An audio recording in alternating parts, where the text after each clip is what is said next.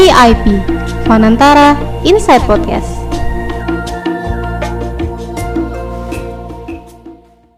Hai, welcome back to Fanantara Inside Podcast untuk episode ke-46 kita. Apa kabar VIPers? Semoga kalian semua sehat ya. Aku senang banget nih mengetahui bahwa negara kita sedang membaik. Sekarang lebih dari 20% populasi sudah divaksin. Tapi meskipun gitu, kita tetap harus mematuhi prokes ya untuk memastikan pemulihan yang lebih baik. Nah, hari ini aku bakal bergabung dengan Laras untuk membahas topik yang menarik nih, yaitu daur ulang limbah elektronik di Indonesia. Halo Laras. Hai Lima dan VIPers semuanya. Nah, seperti yang udah Lima kasih tahu barusan, hari ini kita akan membahas satu tema penting yang sebelum-sebelumnya tuh belum pernah kita bahas, yaitu daur ulang limbah elektronik dengan salah satu organisasi yang mulai pada tahun 2020. Ini mulainya pas pandemi, baru banget. VIPers nih pernah nggak sih bingung gimana cara yang benar untuk membuang barang elektronik yang udah lama, yang udah nggak kepake atau uh, kayak menu-menuhin gitu, baik itu HP lama, laptop yang rusak, atau mesin cuci, kulkas. Nah, biasanya kita cuma cari tempat untuk dijual atau memberikan kepada orang yang mengumpulkan barang bekas kan. Ya, benar banget tuh Ras. Tapi hari ini kita akan memperkenalkan sebuah alternatif yang sangat menarik dan juga menguntungkan. Yuk kita langsung asapa aja Kak Dedi Nababan, Lead Researcher Remind Indonesia. Halo Kak Dedi. Halo, halo. Senang bisa join di podcast ini ya.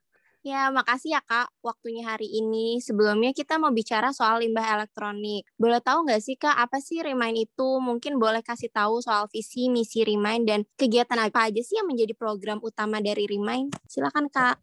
Oke, okay, ya Remind itu singkatan dari Recycle Materials for Indonesia kita bergerak di bagian untuk merecycle sampah elektronik dan kemudian menjualnya kembali. Maksudnya logam-logam yang berharga itu dipisahkan, dipisahkan dari sampah-sampahnya, kemudian kita menjualnya kembali. Dan juga kita melakukan collection. Jadi bagi teman-teman yang punya sampah-sampah elektronik bisa diberikan kepada kami. Nanti ada saya sertakan juga nanti websitenya, di situ bisa dilihat form untuk pemberian sampah elektroniknya. Kalau visi misi gitu ya, um, mungkin apa yang menginspirasi kami untuk memulai Remind ini, cara informal ada tiga hal ya yang mendorong kami untuk melakukan ini. Pertama, karena kita sangat bersyukur untuk tinggal di bumi ini yang kita hidupi saat ini.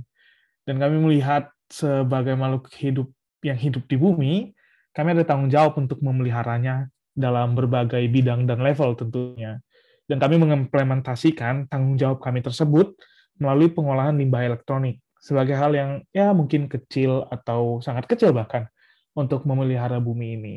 Yang kedua, beberapa orang dari kami memang memiliki latar belakang edukasi yang mempelajari tentang pengolahan limbah. Dalam hal ini melalui perspektif metalurgi, yakni ekstraksi metal. Hal tersebut juga mendorong kami untuk menerapkan apa yang kami pelajari ke dalam hal teknik praktis, yaitu mengekstrak logam-logam berharga dari sampah elektronik. Dan yang ketiga, kami menilai hal ini sebagai bentuk untuk berkontribusi positif terhadap kesiapan Indonesia ya dalam menangani limbah ya tentunya masih dalam skop yang sederhana dan masih sangat kecil.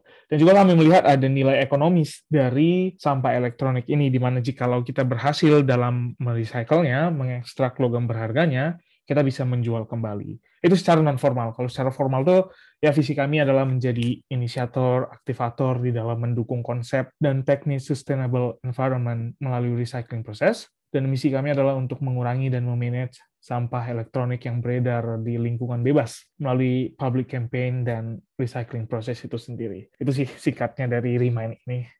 Wah, keren banget nih. Kalau aku boleh tahu, Kak Dedi sama teman-temannya kan tadi menerapkan apa yang dipelajari ya di kuliah. Kuliah jurusan apa nih, Kak, sebenarnya? Kita kuliah di jurusan teknik metalurgi. Hmm. Dan beberapa dari kami itu memang satu angkatan. Jadi ini bergerak um, didasarkan juga pertemanan juga awalnya. Kita sama hmm. kita memang memang berteman dekat terus melihat ada potensi di sini. Oh yaudah kita tentunya ada inisiator ya dari kami namanya Zikri. Enjoy lah menjalani ya karena bareng teman-teman juga. Keren sih dari pertemanan punya visi yang sama bikin hal yang baik. Tadi kak, kak Dedi bilang semoga hal kecil tapi nggak kak. Dari hal kecil bisa jadi ini besar gitu perubahannya buat lingkungan. Ya kami juga berharap demikian. nah kalau boleh tahu kak di tengah pandemi seperti ini, bagaimana teman-teman di Remind melakukan aktivitasnya? Apalagi kan uh, Remind dibentuk pada tahun 2020, ya kak? Bener kan?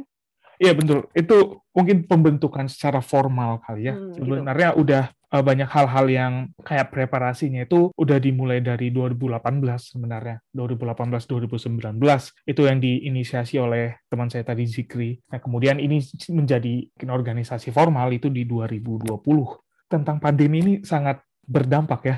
Ada beberapa hal yang real yang terjadi yang menjadi problem di kami karena beberapa orang dari kami itu sedang studi di luar Indonesia. Nah, jadi dengan pandemi ini, COVID dan border restrictions, itu jadi menyulitkan kami untuk visit ke plant factory kami di Karawang. Itu um, sangat sulit. Contohnya kayak aku aja, aku udah, aku belum belum pernah visit ke situ bahkan ada member kami di Indo itu kena COVID kemarin. Jadi wow, itu menghambat aktivitas di situ. Dan juga PPKM, yeah. kan iya. teman-teman ada juga yang tinggal di Jakarta gitu ya. Karena PPKM mm -hmm. jadi sangat sulit untuk pergi ke Karawang untuk melakukan aktivitas recycling itu sendiri. Ya, begitulah. Cuman mau, mau bagaimana gitu ya kan memang yeah. memang memang keputusan yang diterapkan PPKM ada pembatasan dan lain sebagainya ya kita mencoba patuh tapi kami juga berusaha tetap berprogres sih di masa pandemi ini, dan khususnya juga dengan banyaknya platform-platform baru dan banyaknya aktivitas-aktivitas online seperti ini, kami juga ikut di dalam beberapa event-event bisa dibilang internasional juga mengenai recycling sampah elektronik. Contohnya kami ikut di dalam kompetisi Climate Launchpad itu di Belanda, karena Zikri sekarang sedang ada di Belanda. Terus juga kami kemarin dapat funding dari Students for Sustainability dari Belanda juga. Jadi kami dapat uang untuk bisa dipakai dalam pemenuhan operasional kami. Dan untuk mengenai aktivitas di uh, factory kami, ya kami paling ini sih tetap ada orang yang menjalankannya di Karawang, yang stay di Karawang. Dan beberapa dari kami ya video call waktu mereka melakukan percobaan, melakukan aktivitasnya di situ, kami video call untuk melihat apa yang sedang dilakukan. Sangat sulit sih Iya sih, kerasa juga ya, Kak. Tapi emang hmm. base-nya di Karawang ya, Kak? Iya, iya, base-nya di Karawang. Di situ alat-alatnya. Um, ya, hmm. Bisa dibilang pilot factory-nya lah di Karawang. Uh, terus selama selama WFH, selama pandemi ini, uh, ada peningkatan nggak sih, Kak, jumlah limbah elektronik itu? Untuk yang Remind, memang agak sulit kami di dalam um, collection-nya, karena memang juga secara formal baru baru dipublish di 2020, kemudian juga pandemik, jadi sangat sulit untuk memperkenalkan Remind ini. Jadi kami eh, menanganinya itu mengambil sampah elektronik itu dari sektor-sektor informal. Contohnya, kami sudah kami mem membeli sampah elektronik yang memang sudah dipisahkan dari beberapa partnya. Contohnya adalah printed circuit board namanya. Itu bagian dari motherboard yang ada di ya komputer atau laptop lah. Nah, jadi kami banyak mengambil dari situ karena memang bagian itu yang banyak logam berharganya. Kemudian itu yang diolah di factory kami. Dan untuk collection sendiri memang ada beberapa yang menghubungi Remind dan memang udah ada beberapa yang memberikan uh, sampahnya. Contohnya laptop itu ke kami. Tapi secara statistik itu masih sangat sedikit sih dan memang karena sangat sulit untuk mempublikasikan Remind ini kepada masyarakat luas. Wah, inspiring banget sih Kak, masih terus berusaha untuk produktif di tengah pandemi yang mana kita tahu pandemi ini berdampak untuk semua sektor, tapi mhm. Remind Kakak dan teman-teman ini tetap berusaha produktif. Nah, uh, kan banyak yang nggak tahu nih, terutama untuk VIPers yang belum tahu, limbah elektronik atau e-waste adalah perangkat listrik atau elektronik yang dibuang. Nah kemarin nih kak, aku uh, baca di suatu artikel, kalau menurut PBB ada peningkatan dalam volume e-waste hingga 21% dalam lima tahun. Mm-hmm. Nah, menurut Kak Dedi dan teman-teman di Remind, seperti apa sih situasi e-waste saat ini di Indonesia? Apakah masyarakat luas sudah aware dengan isu e-waste ini? Kalau beberapa data lagi ya tambahan untuk spesifik yang di Indo itu misalkan dari The Global E-Waste Monitor di 2020 studi dari 40 itu Indo, dikatakan Indonesia menghasilkan um, 1.618 kiloton sampah elektronik pada tahun 2019. Terus juga studi um, yang terbaru di 2021 itu dari Kisti um, mengatakan bahwa ada diperkirakan 2 juta ton sampah elektronik di tahun 2021.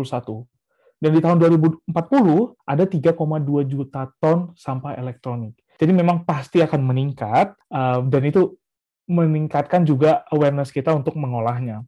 Misalkan dilihat dari awareness masyarakat, sebelum ke masyarakat, awareness dari pemerintah itu juga sangat baik ya, sangat aku sangat mengapresiasi um, langkah yang dilakukan pemerintah. Contohnya dengan lahirnya peraturan pemerintah nomor 27 tahun 2020 tentang pengolahan sampah spesifik, yang di mana sampah elektronik ini termasuk dalam sampah spesifik yang memang harus ditangani. Jadi dari pemerintah pun sudah aware dengan hal ini, dan untuk dari masyarakatnya, memang mungkin sangat sulit ya untuk mengukur bagaimana awareness masyarakat terhadap sampah elektronik ini. Tapi ada hal-hal yang positif Contohnya ada hasil wawancara dengan komunitas e-waste yang dimuat di laman liputan6.com dengan judul ke mana semestinya Anda buang sampah elektronik yang ada. Nah, berdasarkan data yang mereka record, kesadaran masyarakat itu meningkat. Indikasinya adalah peningkatan jumlah orang yang mengirimkan e-waste kepada mereka dari tahun 2020 sampai 2021 ini. Jadi kalau kita melihat dari situ memang ada harapan bahwa masyarakat sudah mulai aware dengan hal ini dan juga didukung oleh uh, media sosial ya. Aku sering banget melihat um, di media sosial itu tentang penanganan e-waste, pengumpulan e-waste dan lain sebagainya. Jadi ya kita bisa melihat ada harapan lah dalam hal ini untuk mengedukasi masyarakat. Jadi mulai ada uh, harapan ya kak untuk gimana 2 juta ton di tahun 2020 ini nggak bertambah di tahun-tahun yang lain harusnya lebih turun ya kak? Iya iya dengan adanya pena, um, pengolahan yang baik ya benar banget. Nah, kalau misalkan berbicara dengan limbah elektronik, nah limbah elektronik ini kan berbahaya untuk kesehatan dan lingkungan. Yep, yep. Karena dia mengandung bahan tambahan beracun atau zat berbahaya seperti merkuri yang merusak otak manusia dan atau sistem koordinasi tubuh. Nah, mm-hmm. serem juga sih sebenarnya kalau misalkan baca-baca. Nah, kalau misalkan dari pengalaman teman-teman di Remain, apa dampak lingkungan dari uh, limbah elektronik di Indonesia? um, secara studi saintifiknya kita nggak ada melakukan ya untuk hal spesifik oh sampah elektronik di daerah sini berdampak terhadap ABCD di daerah tersebut. Cuman memang kami melihat karena memang di masyarakat kita ya mungkin ya masih ada masyarakat yang menggunakan air contohnya ya air itu secara langsung dari air tanah misalkan sumur atau sungai dan ya kalau saya melihat gitu sangat mengerikan ya kalau misalkan memang di daerah tersebut ada penimbunan sampah sampah elektronik dan dengan dibantu oleh hujan um, jadi ada reaksi antara air hujan dengan um, sampah elektronik tersebut dan hal-hal lainnya itu bisa melarutkan logam-logam berharganya itu ke dalam tanah yang di mana itu bisa masuk ke dalam jalur air yang bakal digunakan secara langsung oleh masyarakat. Dan memang ini studi yang menarik juga sih. Mungkin uh, harapannya juga bakalan ada organisasi atau individu juga yang melakukan studi demografi juga secara saintifik terhadap penimbunan sampah elektronik dengan dampaknya secara langsung terhadap masyarakat sekitar. Kan kadang juga mungkin sampah elektronik ini juga dicampur um, dengan sampah-sampah lainnya.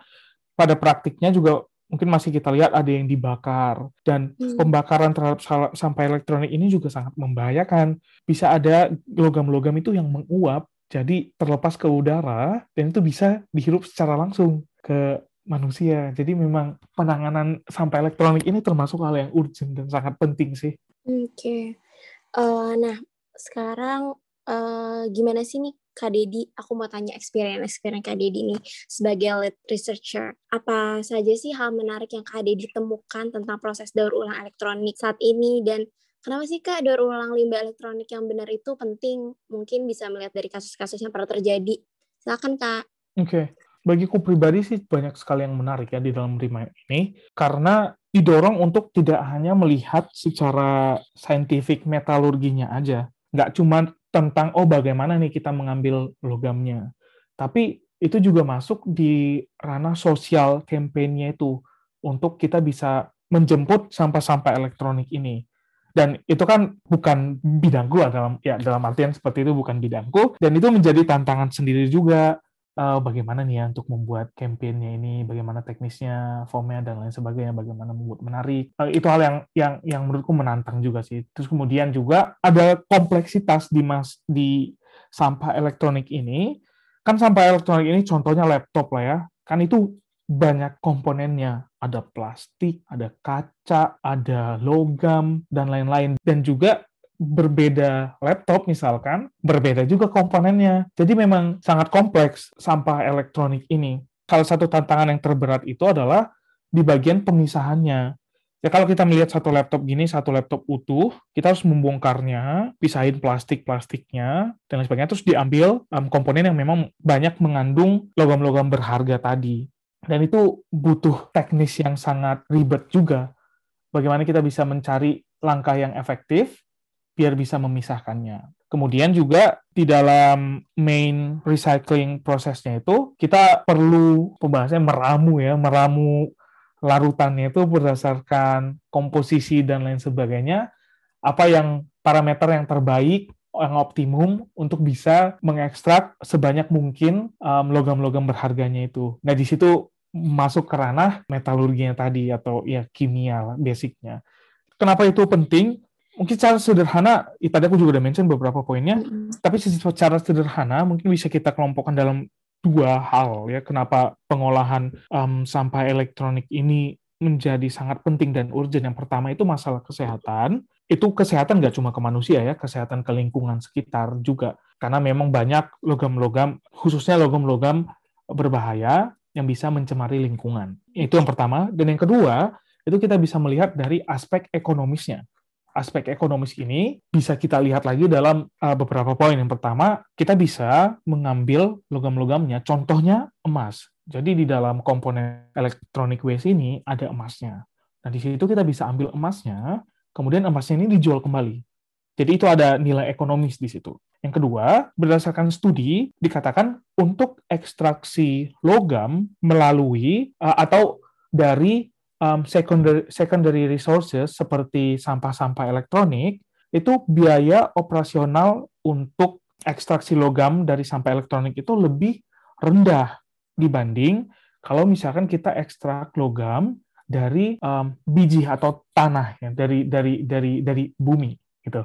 Um, dan juga beberapa studi juga mention bahwa ekstraksi logam dari sampah elektronik itu bisa mengurangi rilis CO2 ke lingkungan jadi memang dari aspek ekstraksi logam tersendiri, eh, logam itu sendiri, pengolahan limbah elektronik ini itu memberikan banyak benefit. Terus juga kita kan konsep circular economy ya. Kita menggunakan barang, kemudian barang ini habis nilai pakainya dalam arti nilai fungsionalnya sudah tidak ada, baiknya ini bisa digunakan lagi untuk yang lain. Jadi ada konsep circular di di dalam hal ini. Jadi ketika ini semuanya menyatu, kita bisa menjaga lingkungan dan juga kita bisa melihat ada sirkulasi ekonomi di dalamnya. Oke, okay. Uh, tadi kan Kak Deddy sempat bahas tentang undang-undang atau peraturan pemerintah. Yep, nah, yep, yep. apakah undang-undang atau peraturan pemerintah itu sudah mendukung daur ulang limbah elektronik ini? Dan menurut Kak Deddy dan kawan-kawan di Remind, undang-undang yang sudah ada tersebut itu sudah baik atau perlu diperbaiki sih Kak? Sebaiknya jika perlu diperbaiki lagi undang-undang itu sebaiknya uh, kita nih dan Kak Deddy dan kawan-kawan di Remind sebaiknya usulin pemerintah itu bisa mulai dari mana ya? Wow, kalau untuk masuk ke ranah um, mengevaluasi undang-undangnya, mungkin aku aku belum ada kapasitas untuk membicarakan itu karena undang-undang poinnya sangat banyak, jadi perlu perlu studi khusus untuk mempelajari ini. Dan aku belum masuk ke ranah seperti itu. Dan juga mungkin bisa dibilang relatif baru ya undang-undang ini 2020. Sementara ini 2000 baru 2021. Jadi bahkan mungkin studi terhadap undang-undang ini juga peraturan pemerintah, sorry, peraturan pemerintah ini itu masih minim. Tapi aku sangat mengapresiasi dan sangat bersyukur adanya langkah ini dari pemerintah. Contohnya, pasal 6 di bagian kedua ayat 1 itu dikatakan setiap orang yang menghasilkan sampah yang mengandung B3 wajib melakukan pengurangan sampah. Ini sampah elektronik termasuk di sampah yang mengandung B3. Pengurangan sampah ini bisa dilakukan dengan pembatasan, pendauran ulang, pemanfaatan. Intinya adalah dari sini kita bisa melihat bahwa setiap individu itu memiliki peran di dalam mengurangi sampah ini. Hal yang paling konkret yang bisa dilakukan adalah yang pertama, jangan membuang ke sembarang tempat. Ya, kita bisa simpan dulu lah untuk sementara sebelum nantinya kita bisa buang ke ke tempat collection yang ada. Kemudian juga di pasal 10 itu dikatakan bahwa produsen wajib melakukan pembatasan timbulan sampah yang mengandung B3. Jadi manufacturer-manufacturer itu juga memiliki peran untuk mengurangi sampahnya. Ada pemerintah mengambil bagian di sini untuk melihat sistem collection-nya, pengadaan bin-bin untuk elektronik waste-nya, pengadaan fasilitasnya, dan lain sebagainya.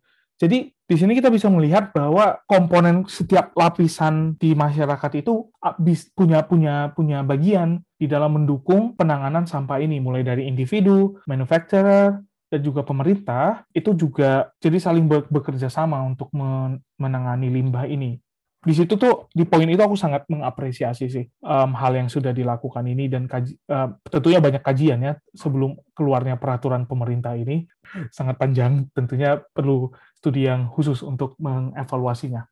Jadi notnya adalah kerjasama berbagai pihak ya kak. Yap, yap betul sekali. Terima ya, kasih kan? sudah membuat summary-nya. Sepertinya aku panjangan ya tadi menceritakannya. Iya, karena kan kalau misalkan kita ngomongin limbah, dampaknya selalu ke kesehatan, balik lagi ke apa ya, daily life gitu kan, Kak. Jadi ya betul, emang betul. benar poin yang penting untuk mengatasi ini semua adalah kerjasama. Yep, yep. Yep. Mm -hmm. Oke, nah tadi kan kita udah dengerin nih keadaan limbah elektronik di Indonesia. Nah, kita juga penasaran nih, Kak Dedi, gimana sih perbandingan manajemen limbah elektronik atau e-waste ini uh, antara Indonesia dan negara-negara lain? Mungkin ada contoh dari negara lain untuk apa ya bisa dijadikan pandangan gitu untuk mengolah limbah elektronik ini? Oke, okay. secara detail ya kita bisa mudah mencarinya di internet kali ya negara-negara mana yang bisa kita jadikan um, contoh atau panutan di dalam pengolahan limbah ini seperti Jepang contohnya atau negara-negara di Eropa dan juga ketepatan um, Zikri foundernya Remind itu sedang intensif di Belgia di salah satu perusahaan namanya Coolrec. Coolrec ini adalah perusahaan yang memang menangani sampah-sampah elektronik. Di situ menjadi contoh kalau memang wah negara ini tuh udah sangat aware dengan sampah elektronik dan mereka itu juga pengolahannya itu dari awal sampai akhir sampai benar-benar bisa dipakai logam-logam berharganya yang ada di situ.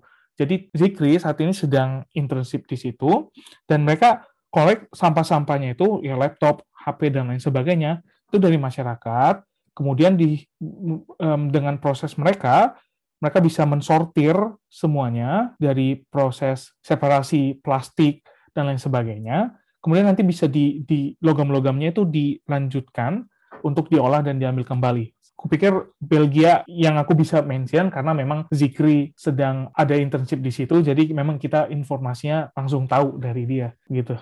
Wih, keren banget sih dari apa pengalaman bekerja uh, di mana di Belgia tadi bisa mm-hmm. untuk diterapkan di Remind. Ih, keren banget teman-temannya Kak Dedi. ya aku juga salut sama dia. karena dari situ kan bisa ini mengambil oh teknis di sana seperti apa dan itu pengen diterapkan di Remind. Dan juga karena perihal COVID pandemi ini, kami juga banyak meeting. Jadi Zikri share kami, oh ini yang dilakukan, yang mana yang bisa kita lakukan di Remind yang mana yang bisa diterapkan, yang mumpuni lah, yang berdasarkan kemampuan kita juga. Jadi kayak studi banding juga sih jatuhnya. Jadi wow, itu hal yang sangat baik sih, bagus banget.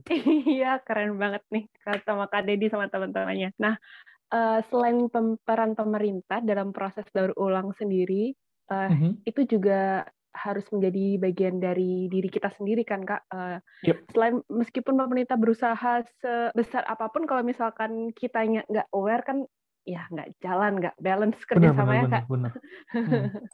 ya contohnya lah ya kayak aku juga ya aku sampah-sampah elektronik ke mana sih gue buang? Ya, maksudnya dulu ya, sekarang kan udah tahu ya. Dulu kan iya. waktu belum tahu ke mana sih dibuang kan dicampur dengan sampah-sampah yang lain. Iya, Contohnya iya, HP gitu kan, dimasukin aja gitu dan bisa jadi karena kita nggak tahu juga sih, oh ini ternyata berbahaya. Iya. Atau mungkin kita mikirnya ya elah satu doang berefek apa sih dengan iya. kehidupan yeah. gitu kan kalau kita luaskan sedikit ininya perspektifnya kalau misalkan semua orang melakukan itu satu dikali semua orang jadi banyak gitu kan. Iya. Makanya coba deh kalau, kalau kalian di pengalamannya gimana mengenai sampah elektronik? Misalkan HP, laptop, apa segala macam. Yang dulu misalkan apa yang kalian lakukan? Boleh nggak sih aku nanya? Boleh lah ya. Boleh, boleh, boleh. Boleh, boleh banget, Kak. Kalau aku sih jujur aku masih simpan sih kak. Aku Oke, sama, ya, sama ya. aku juga masih simpen. Karena sayang aja Bahkan aku berencana untuk iya sayang banget karena kalau Betul misalkan di apa ya buang kayak aku mikir kan kemarin dibuang ke mana? Misalkan dijual misalkan HP kalau misalkan spare partnya masih bagus kan bisa dijual ke orang yang emang dia ahli otak atik HP bisa jadi duit kan nilai ekonominya naik. Cuman kayak di mana gitu? Carinya di mana? Makanya masih aku simpen. Iya, iya, iya betul betul. Ya itu juga mungkin termasuk culture juga kali ya. Aku juga beberapa barangnya aku simpan sih. Sampai kadang bapakku deh ini dibuang aja ya udah kebanyakan. Oh ya oke. itu tantangan sih untuk collection juga seperti itu. Oke. Nah, menurut Kak Dedi, eh, gimana sih kalau misalkan kita belajar untuk membuang limbah elektronik yang benar gitu? Nah, tadi kan Mhm. dari kalau pengalaman aku kan aku simpen aja, tapi kalau misalkan membuang limbah elektronik yang benar, ini tuh gimana? Ya, untuk di level individu, kupikir menyimpan itu hal yang sudah sangat baik dibandingkan kalau langsung dibuang ke lingkungan bebas. Tapi tentunya menyimpannya untuk sementara waktu, kemudian di waktu yang tepat gitu ya. Eh, setelah kita sudah, oh oke, ini saatnya aku buang nih, walaupun banyak kenangan misalkan. Nah itu buangnya ke tempat yang memang sudah eh, proper dalam pemilahannya. Aku nggak update kondisinya sekarang bagaimana yang kalian kalian lihat, eh, tapi beberapa lokasi yang aku lihat contohnya di tempatku sekarang itu memang ada bin-bin yang berbeda-beda, contohnya tiga atau empat warna. Eh, ada untuk bin sampah elektronik, ada untuk bin general, ada em, sampah untuk organik. Kan kita perlu kesadaran kan, oh oke ini udah disediakan, berarti kita buang ke tempat yang semestinya. Jangan ini udah disediakan, buangnya tetap ngasal. Itu kan itu kurang baik ya. Jadi itu sih yang bisa dilakukan untuk di level individu ya. Jadi buang buang di waktu yang tepat dan tahu tempat yang mana untuk membuang ya, Kak. Iya betul betul.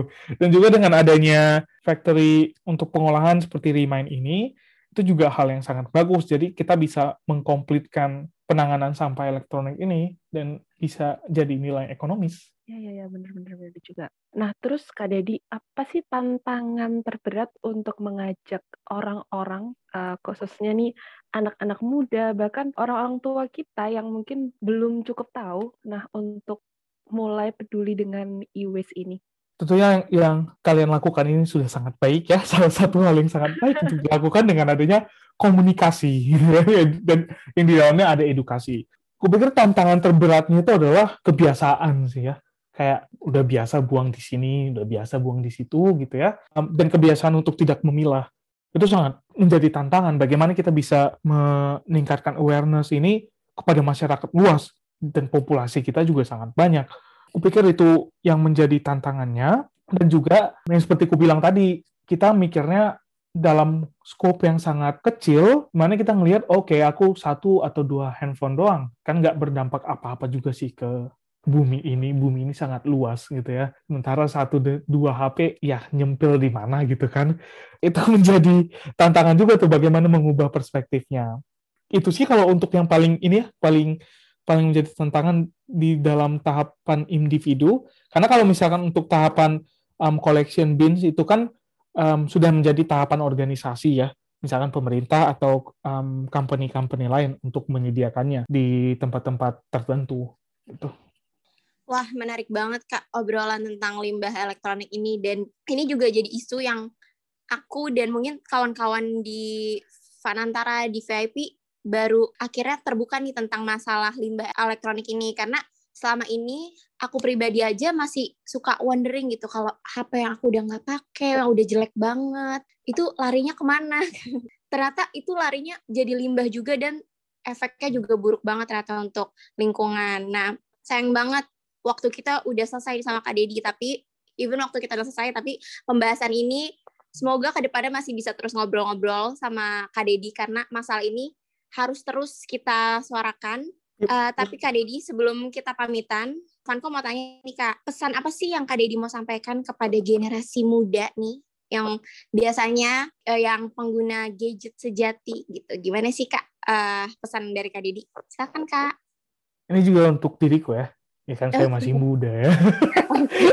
masih masuk dalam siap, generasi muda sepertinya ya. ya aku aku menyampaikan ya kita perlu bersyukur lah untuk bumi yang kita tempati ini dengan segala keindahannya tentunya ya.